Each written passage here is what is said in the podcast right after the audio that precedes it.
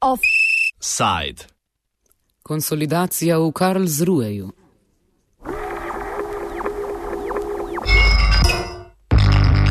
Dies ist meine 12.305. Nacht.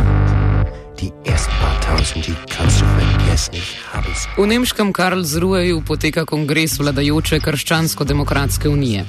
Desetminutne ovacije, ki jih je ob zaključku govora prejela nemška kanclerka in predsednica stranke Angela Merkel, so znak, da je stranka še vedno ali pa spet konsolidirana. Glavna tema kongresa je, kako pak odzivanje Nemčije na begunsko krizo.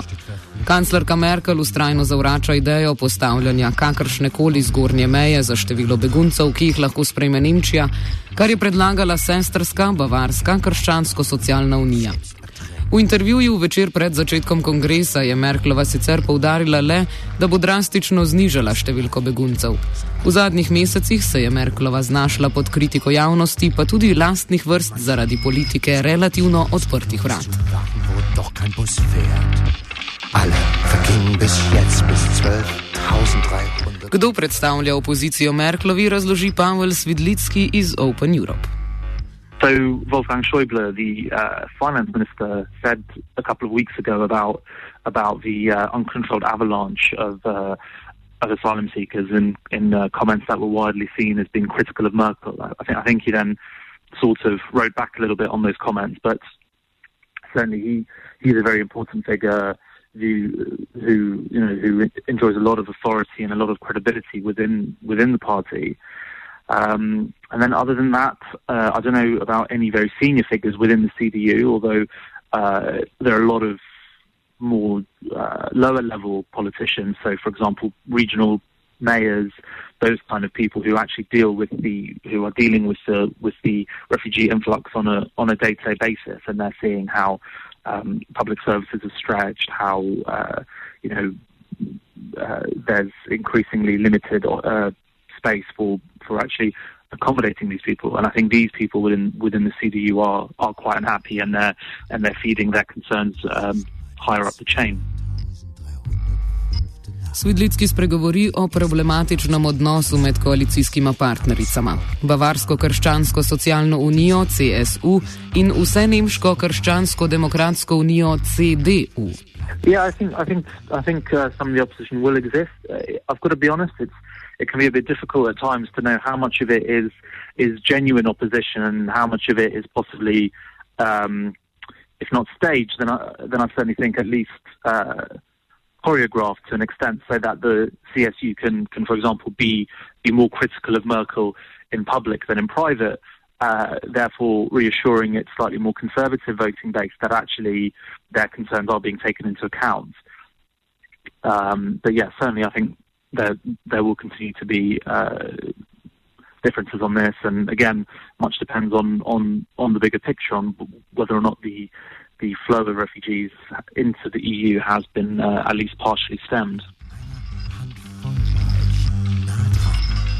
Tom Barfield z portala The Local pojasni logiko CSU-ja in nasprotovanja njenega predsednika Hansa Zehoferja Merklovi. A lot of people do argue that uh, the current leader of the CSU, uh, Horst Seehofer, um, is quite weak and he's defending himself against uh, attempts to take over from people like the Bavarian finance minister, Markus Söder. Um, so he needs to make a lot of noise and show his voters that he is uh, fighting for their interests and for the issues that matter to them.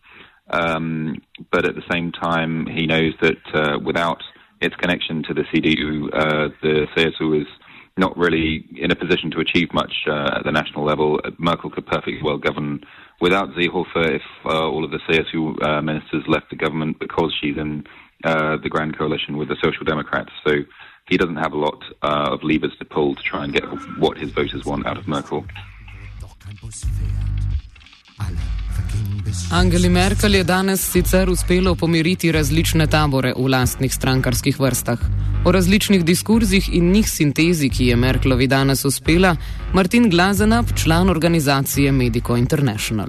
there's on the one hand this this figure of Angela Merkel, how she tried to handle the refugee crisis or the so-called refugee crisis in Europe or also the European crisis, and on the other hand, there's the old guard of more or less male politicians from Western Germany, but also from Eastern Germany, who tried to who tried to block the refugees, who tried to build more fences, who tried to make a more uh, militaristic, let's say, militaristic way of politics to deal with these problems.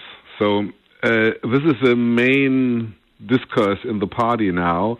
But as the comments were from others in the last days, they try to find a solution. And if you hear precisely her speech, which was more or less the best she ever did, is that she, on the one hand, she tried to explain these historical moment when the uh, March of the Refugees came from Budapest and she decided to open the border.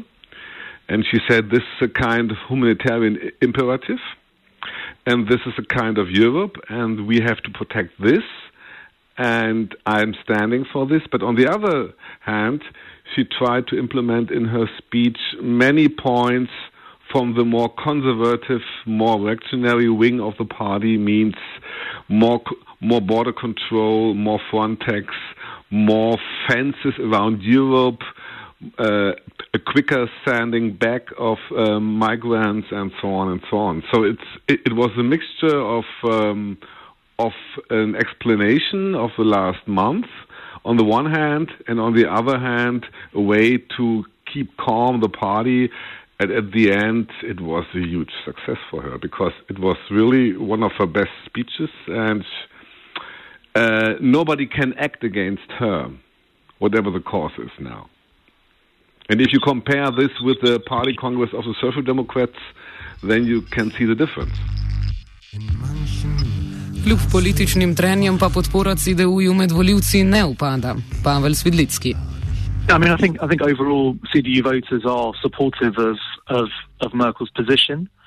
Uh, there's a lot of, I mean, there, there has been concern both both among uh, CDU voters as well as uh, CDU politicians as to um, as to whether or not Germany will be able to restore a sense of control over over migration and over um, the numbers of refugees coming into the country. But I mean, overall, I think I think they do they do support her um, uh, her stance. Although no, notably, the CSU, her the, the, Bavarian sister party of the CDU, has been more critical of the of the open borders policy, and some voters have have left the CDU over uh, over this. As we've seen, the, the parties have dropped um, between five and seven percent in the polls, with uh, many of those voters going directly to uh, Alternative für Deutschland, the new um, the new critical party, which is which uh, which is not anti-asylum per se, but it it, it definitely disagrees with the uh, open border policy. Neposredno anti-islamska ali ne, stranka Alternativa za Nemčijo jadra na vse večjem strahu pred begunci ter ga aktivno soustvarja. Ne glede na njen ulični uspeh, Glazenap opozarja, da realne grožnje krščanski demokratični uniji Angele Merkel ne predstavlja. German election, or the people when they go to election, on the local election, regional election, sometimes they they vote for, let's say, radical parties or radical non-parties or populist parties or populist associations. It's not the first time and will not be the last time. if the, if you think about the general national elections, the Germans are very frightened to change the configuration of the politics. You know, if you see um, in the last five years, CDU is more or less around 37 percent fixed, and Social Democrats are fixed around 24 percent.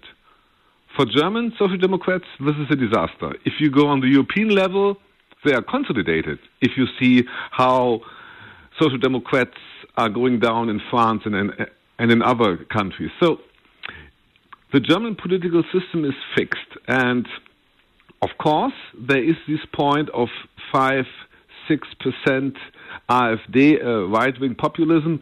But if they can really win an election, if they really come into the parliament, This is a totally different question.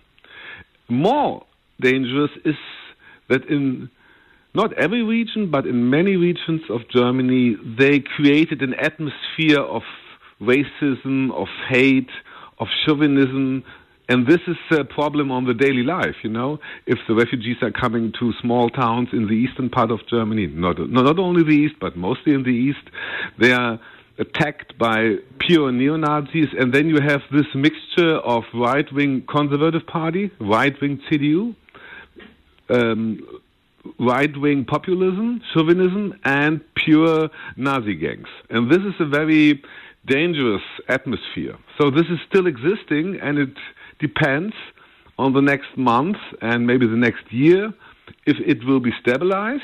And then you have situations like in Italy or in France, not on that level, but you have. Or it will be go down again, and then you have local problems, regional problems in special regions of Germany, but you don't have these as a political figure in the arena. This is an open question now. Uh, I think uh, the CDU, you, you asked me about this, they will lose 1%, 2% to them because they cannot get them back because Merkel is a hate figure for them. But on the other hand, the CDU can get these 1, 2, 3% from the middle, it means from Social Democrats, from uh, post left milieu. This is also possible. So until now, it's stabilized, and um, for Merkel, it, this speech was a huge success. Govor Angele Merkel je bil uspešen v tem, da neposredno odraža dolgoletni način delovanja CDU, ki je inkluzivna stranka v smislu, da je zmožna notranje kritike in različne glasove vedno znova ohraniti neškodljive ter jih vključiti v svoje delovanje. Kako točno razloži Glazenab? The CDU is the last people's party, as we say in German. German is the last big people's party, and one of the main points of this party is that this is also a machine of integration. It's a machine of integration, dissonances, and different points of view. So um, this means the CSU, the Bavarian uh, point of view, is part of the general agenda of the party and also the politic of Merkel. You can say also this um, pragmatic neoliberalism, like Merkel, and on the other hand, on the more right wing, let's say right wing, this um, nationalistic conservative approach. Because one point Merkel made very clear, of course, she's German and she said, I love my country and all this stuff. But on the other hand, she said, we are Europeans and there's only a European solution for the problem. And Germany is now a big player in the world and the world came to Germany and to Europe and we have to handle it. And this is the situation. And if we like it or dislike it, we have to find a solution for this. And this is one approach, and the other is this very nationalistic, conservative, old Europe approach. You know, this means we are in Germany and we want to keep them out. And Merkel said, no, we can't keep them out. Otherwise, if we want to keep them out, in general, we will lose the European idea. Then the whole project is over. So she tried to handle this in a very pragmatic way and in a very successful way because if you can play both voices, then you have the possibility to be around 30%. This is the point, and this means you can integrate the more middle, liberal, green sectors of the society more or less, and you can um, integrate the more conservative um, part of society. And on this point, she, al- she also made very clear to Pegida, AfD, and this new right wing populism in Germany we will never accept you. And we will not do anything with you because you are on the wrong way. She said it like this. I'm only making quotations.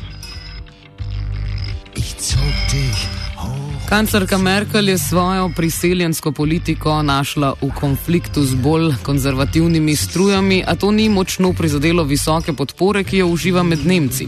Barfield pojasni.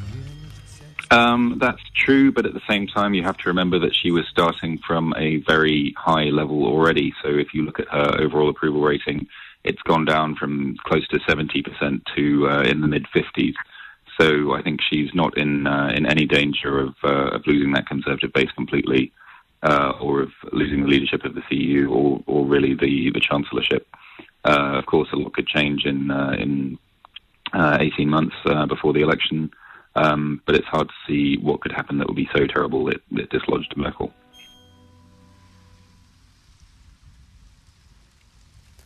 Ne glede na odprto vprašanje, kakšna bo nadaljna politika Nemčije, ostaja vendarle jasno, da jo bo vsaj še nekaj časa vodila Angela Merkel. Die ersten paar tausend, die Kanzlerin Jessnich, habe es auch getan. Diese hier ist. Offside sta pripravila vajenca Zobec in Antun.